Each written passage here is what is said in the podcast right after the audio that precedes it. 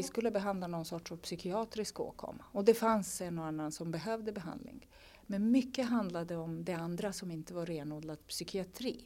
Och jag som läkare satt lite ja, handfallen. Vad skulle jag göra om någon inte blev klar med skolan? Om man skulle leta efter jobb eller funderade hur man ska försörja sig. Jag hade jättemycket ångest kring det. Så det fanns något som var beyond psykiatri. Idag, läkaren, doktoranden och forskaren i global folkhälsa, Isidora Stark. Jag insåg att skola är ett stort problem. Så vår frågeställning var, skiljer sig andelen av de som klarar av grundskola, som har autism, i jämförelse med de som inte har autism? Och det gör det. Vi ser att eh, autistiska barn, då är 57 procent som klarar av de kraven som vi har tittat på i jämförelse med 86 procent. Så det är betydligt färre än eh, i den icke-autistiska gruppen, alltså barn som inte har funktionsnedsättning.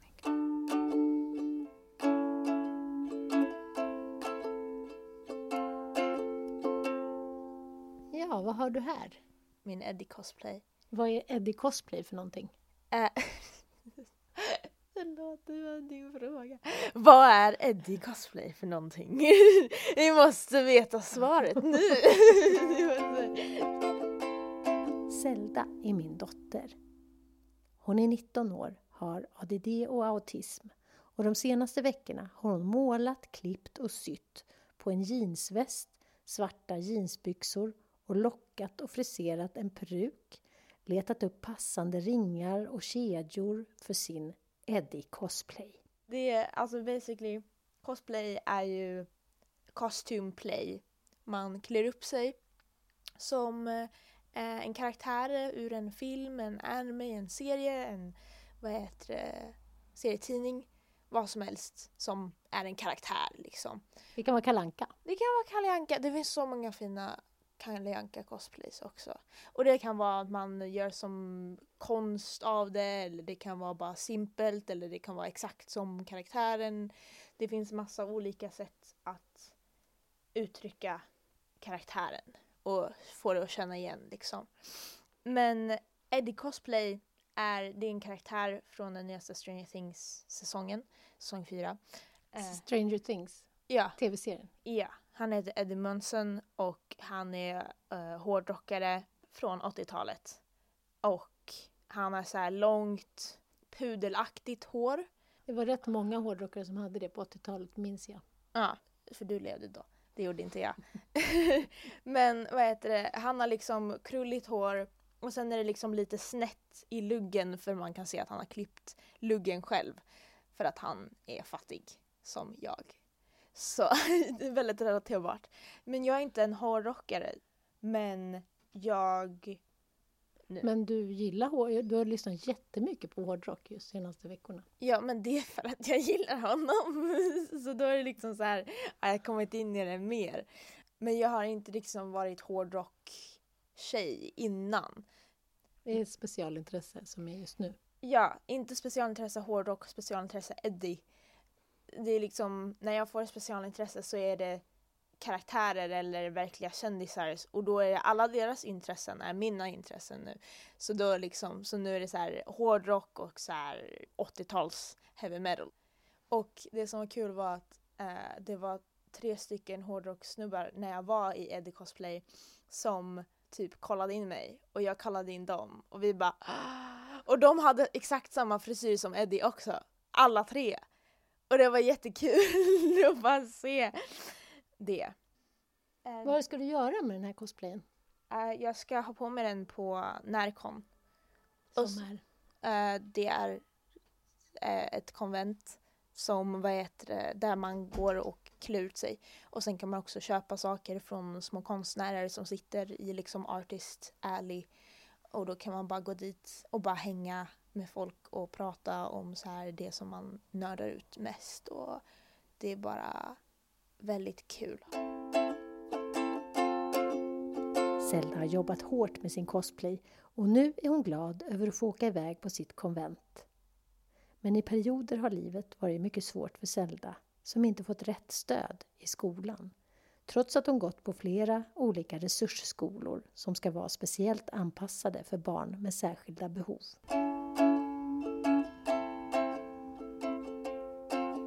När skolan inte tycker sig ha råd att följa skollagen och ge elever tillräckligt stöd så flyttas problemet från skolan till barnet. För Zelda, liksom för många andra barn, ledde det till svår ångestproblematik. Då kopplas BUP in och eftersom Zelda har neuropsykiatriska funktionsnedsättningar måste vi föräldrar då även ofta söka stöd hos habiliteringen. Det blir många olika myndigheter och personer att hålla reda på för ett barn med autism vars diagnos innebär både problem med arbetsminne och nedsatt förmåga i sociala kontakter. De återkommande mötena med alla dessa myndigheter upplevs ofta som mardrömslika både av föräldrar och barn.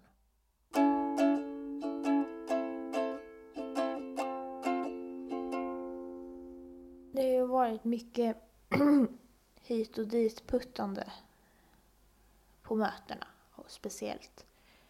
Men det har också varit så här, nej, ja, vi vet inte riktigt hur vi ska göra, så du får göra det, och, men vi vet inte, vi ska hantera det, så då får du göra det. Och jag bara, okej. Okay. Jag vet inte var jag ska gå någonstans. Vill du beskriva några situationer som du minns? Liksom? Jag har inte så mycket minne av sånt. Kommer du ihåg det här mötet med rektorn till exempel? Mm. Det tyckte jag var jätte, jättejobbigt. Mm. Det var jobbigt. Det var mycket. Och jag blev ledsen. Och jag grät. Och det var inte så kul att göra framför typ 10-11 vuxna. Kanske var mindre än så mycket. Men det var inte så kul. Och jag ville bara ha hjälp. Det var det. Vad var det du ville ha hjälp med då? Jag ville ha en person som bara följde med mig och fick igång mitt arbete. Och det var det. Och till slut fick jag det. Och då gick det jättebra. Sen så skulle de ta bort honom och då fick jag jättemycket ångest och slutade gå i skolan. Var det så då att de hade bestämt sig för att ta bort honom? De sa att det skulle vara en test, testperiod ungefär. Och de bara, men nu kommer du till skolan så nu behöver du inte honom. Jag bara, men jag kommer till skolan för han är här. Va? Ja. Vad var det som gjorde det lättare att gå när han var där? Det var bara någon jag kunde konversera med och som också bara kunde få igång mig. Man kan liksom byta ämne helt och komma bort från det man egentligen pratade om.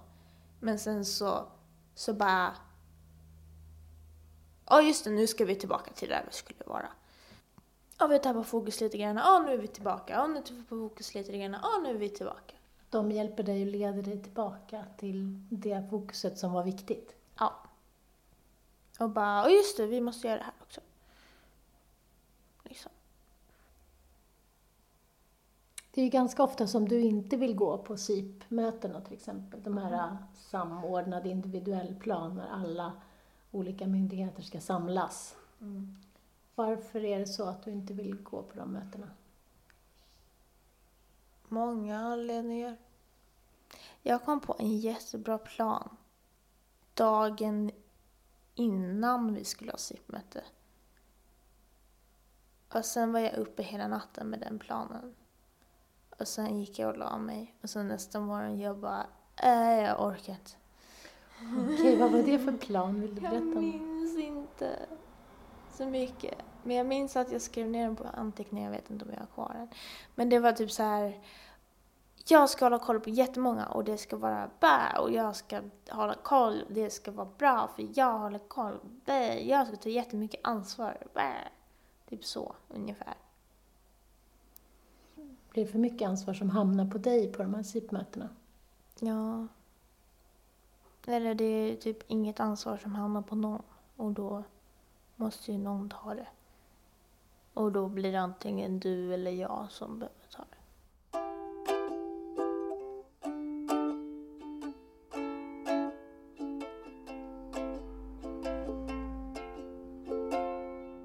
skolor har problem med att ge stöd, då läggs ansvaret över på föräldrarna. Vi ska få skolan att göra rätt genom att anmäla till Skolinspektionen. Jag anmälde Zeldas skola till Skolinspektionen när hon nekades det stöd hon behövde. Då hänvisade Skolinspektionen tillbaka till den kommun och skola som nekat henne nödvändigt stöd. De skulle utreda sig själva.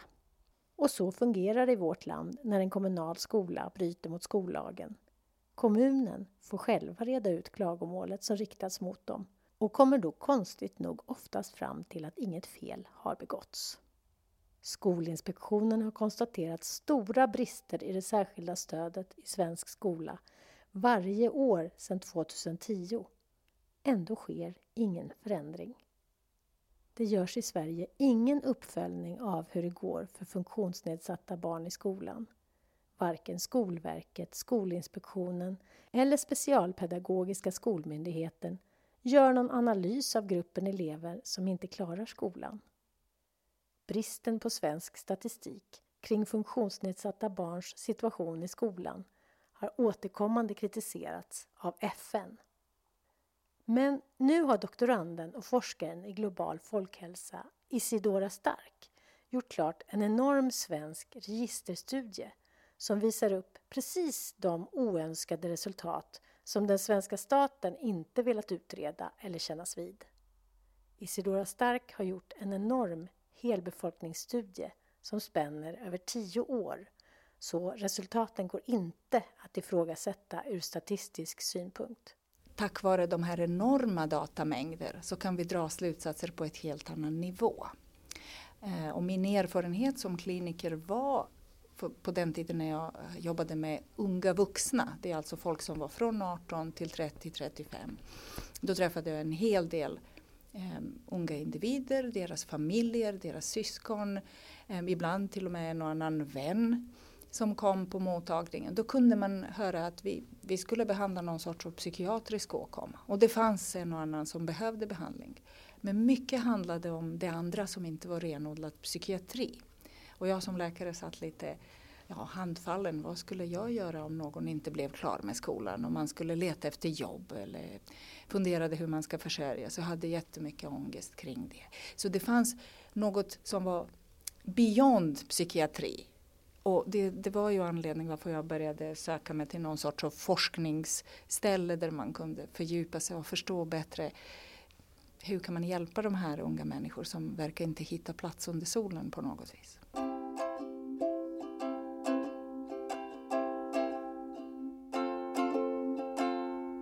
Jag insåg att skola är ett stort problem.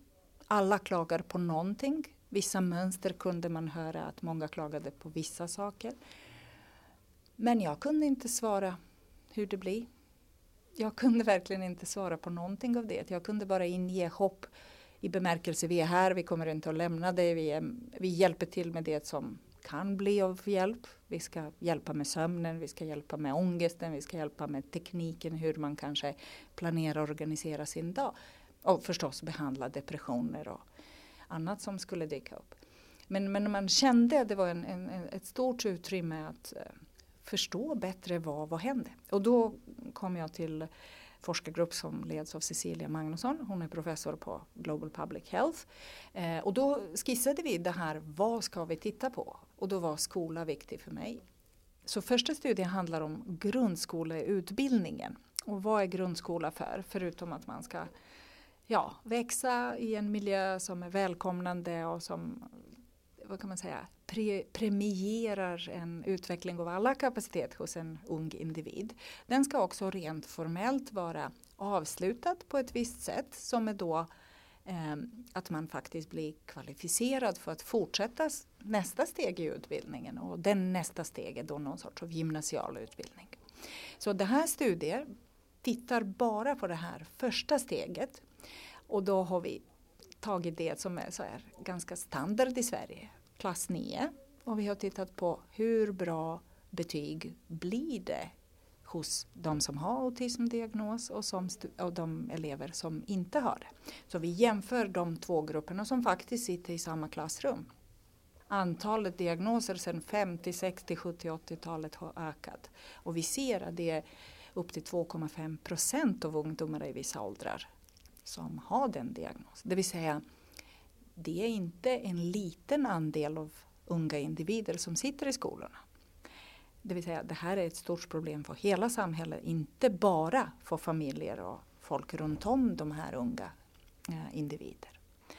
Eh, vad jag försöker säga, det är oerhört viktigt för alla av oss, både inom vården, i skolväsendet, i hela, hela vad ska man säga, samhället bör ägna sig åt den här tanken.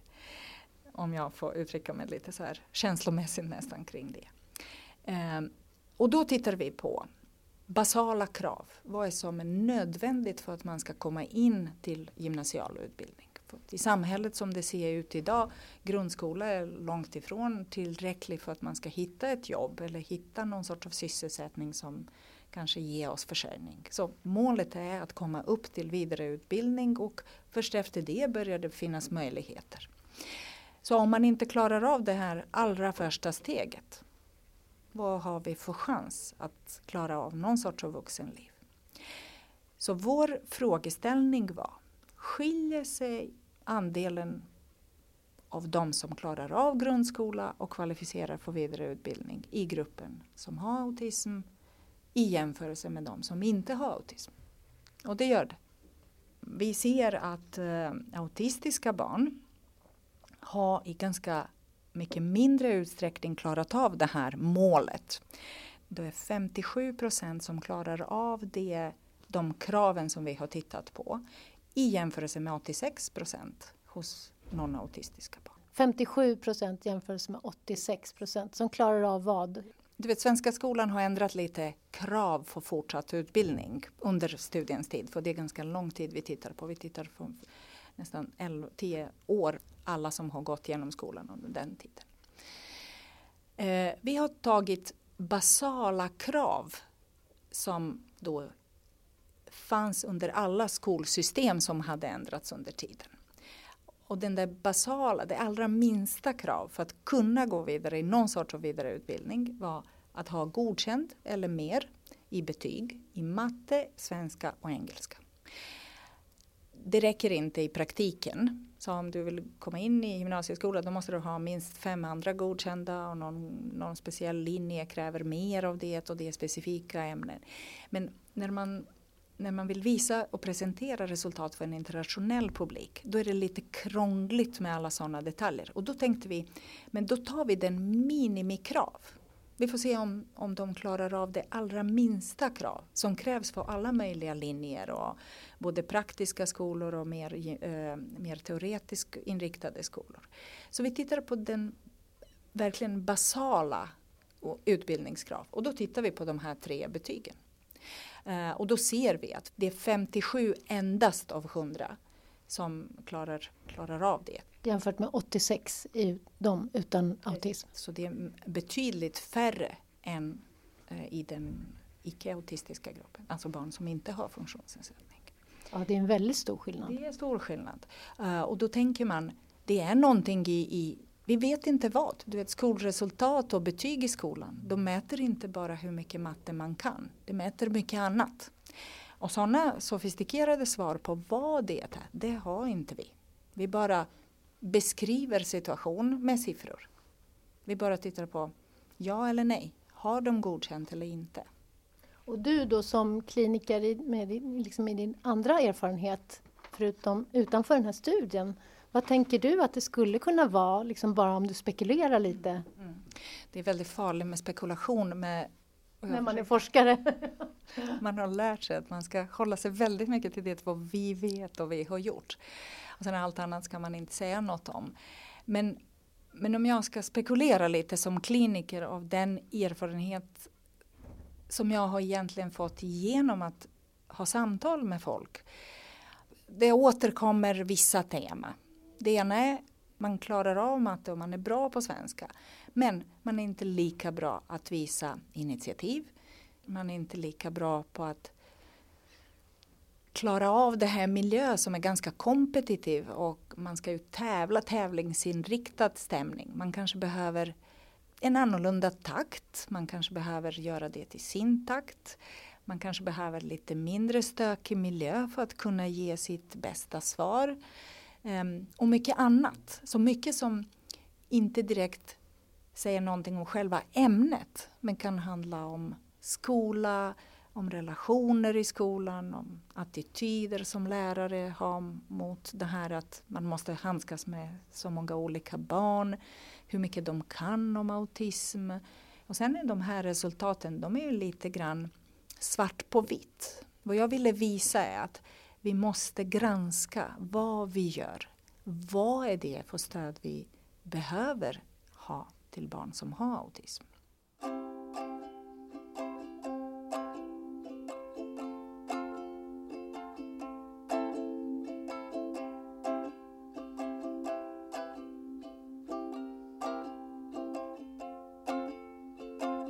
Många autistiska barn klagar för att det är så svårt att orientera sig i lokalerna.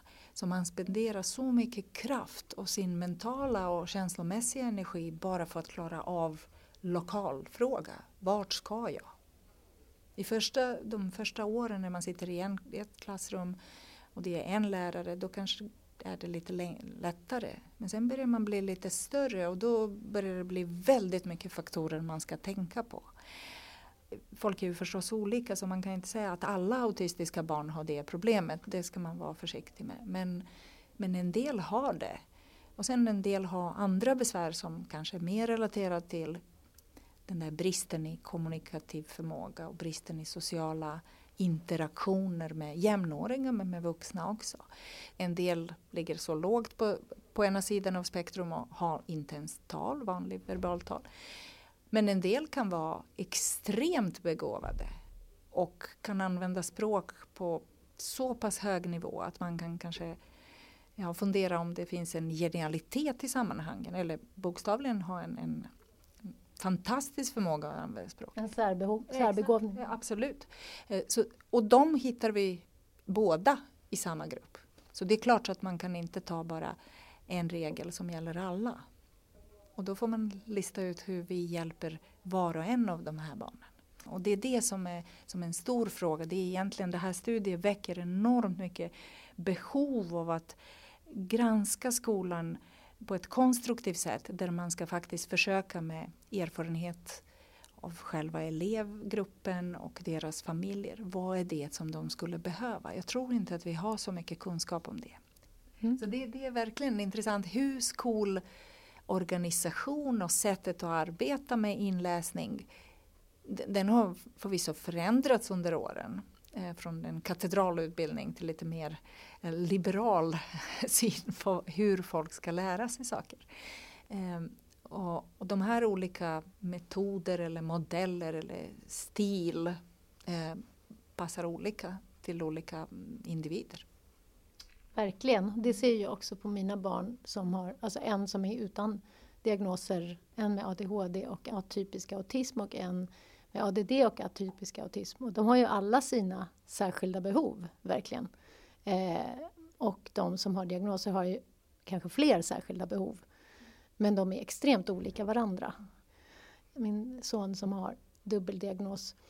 Problemet i skolan var att han tappade tålamodet och när det inte blev som han hade tänkt så sprang han iväg eh, ut. Liksom, han fick vredesutbrott och stack iväg.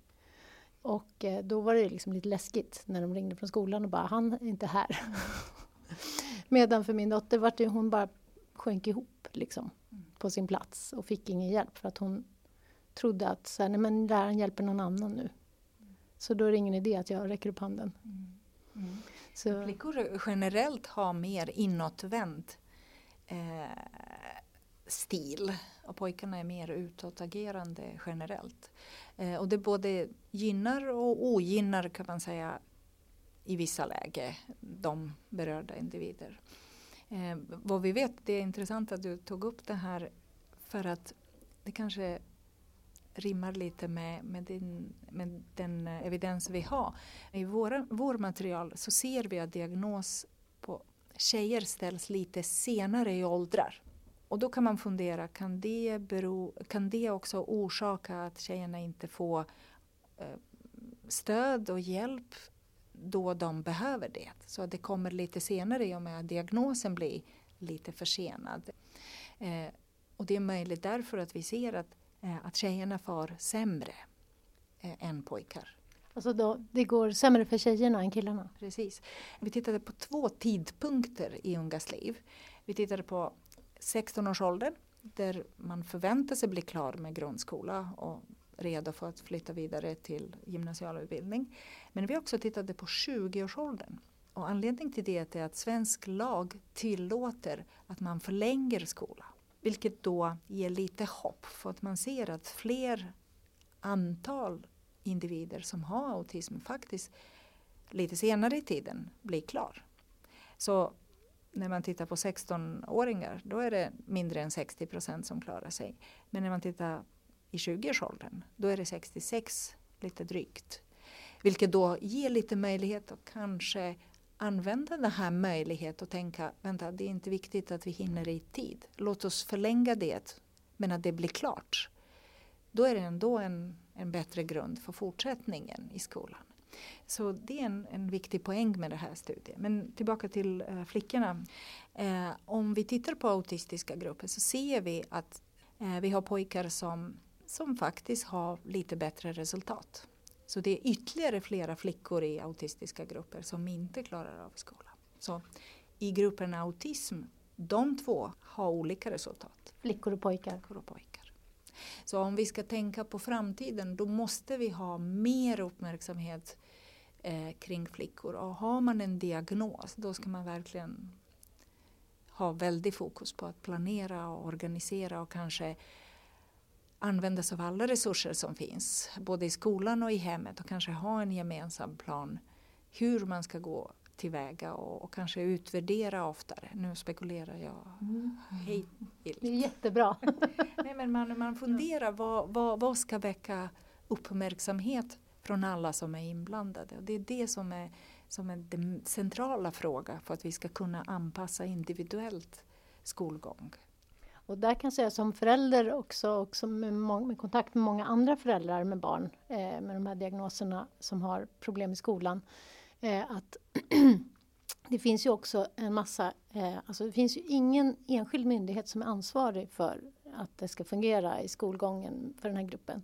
Eh, utan Eh, man bollas ju gärna mellan.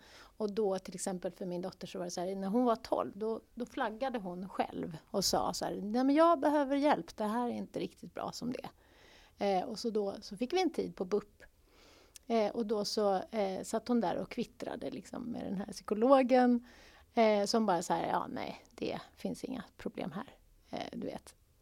Eh, och vi, vi kunde inte heller identifiera vad problemet var, men hon sa tydligt ifrån själv. Och då kan jag tänka så här, eh, skolan kanske hade börjat märka saker som inte vi visste om. Eh, hon själv hade ju märkt saker som inte vi, som inte vi riktigt visste vad man skulle fråga efter, vad det var. Liksom. Men kanske om, om BUP då hade varit uppmärksamma och vetat om det här och, liksom, och också kanske haft, ta, kontaktat skolan och haft liksom en lite tätare... Om skolan också hade varit lite mer medveten om eh, riskerna liksom, och att det är viktigt att uppmärksamma tidigt och så. Då kanske det hade kunnat lösa sig redan där. Liksom. Nej, men, men jag, har, jag har som sagt inte jobbat med barn, jag har jobbat med unga vuxna eller vuxna generellt. Eh, så jag vet inte riktigt hur är det med samarbete mellan skola och BUP. Eh, men det låter ju som en, en eh, resurs alla, alla dessa instanser är en viktig resurs. Och det, det är nog absolut så att det som märks i skolan inte nödvändigtvis märks hemma och tvärtom. Sen är det möjligt att man anstränger sig i skolan maximalt så kommer man hem och är helt utmattad. Så det är både familjer och skolan har en viktig information. Och, och BOP har inte lätt uppdrag och det är klart att det vore bra om det fanns någon sorts av spindel i nätet som skulle hålla ihop de här instanserna. Rent intuitivt är det nätverk som egentligen har någon möjlighet att uh, göra en bra observation från lite olika håll. Så spontant skulle jag säga att det är någonting som man borde satsa framöver. Mm. På någon slags sam, ja, som du säger, spindel i nätet, mm. samordnare liksom. Mm. Ja, det är bara en, en sådär tanke. Jag har inte tänkt så praktiskt kring det men det låter som en, en, något alternativ i alla fall. Mm. mm. Mm. Ja, det är många som önskar sig det kan jag säga bland föräldrar. Ja. Sen är det också eh, det, det som är intressant är det finns samhället har en laglig skyldighet att hjälpa till. Och det, och det är det som skollagen säger. Att vi har skyldighet att underlätta att var och en av eleverna kommer till sin fulla, eller presterar till sin fulla potential. Så om man säger så här, det är lagstiftad rättighet. Vilket då är intressant i det här sammanhanget. Vi, man måste tänka att det här är ett, ett imperativ, ett måste. Ja, jag funderar lite på nu, alltså jag blir lite stridslysten. Så här, eh, just det som du säger med den här lagen och det. Att så här, ja, men det blir inga konsekvenser för dem som bryter mot lagen. Mm. Förutom att de kanske får lite kritik ifall föräldrarna är tillräckligt upprörda eller engagerade för att orka anmäla liksom, eh, till Skolinspektionen. De får inget vite eller de får, inga, alltså, de, de får inga konsekvenser mm. överhuvudtaget. Så att, och det tycker jag är ett stort problem och jag funderar på så här man kanske skulle samla föräldrar och göra en grupptalan. Alltså, vet, jag blir så här, mm. nej, nu får det vara nog. Alltså, det som är viktigt att veta, autism och hela rörelsen kring autism har gjort enorma framsteg tack vare föräldraföreningar. Så föräldrarna har spelat stor roll så att det har blivit allt bättre med åren. Så man ska verkligen inte, under, inte på något vis underskatta föräldrarnas roll alltså i varje barns liv men i det här fallet speciellt eh, intressant som en grupp, som en rörelse. Eh, så det är absolut eh, någonting att överväga. Ju fler föräldrar och familjer är inblandade desto större röst blir det. Mm. Så det är den där. Härligt. Upp till kamp.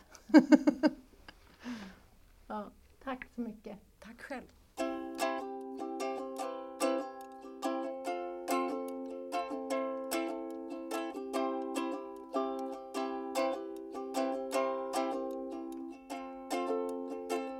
Musik Zelda Bingert.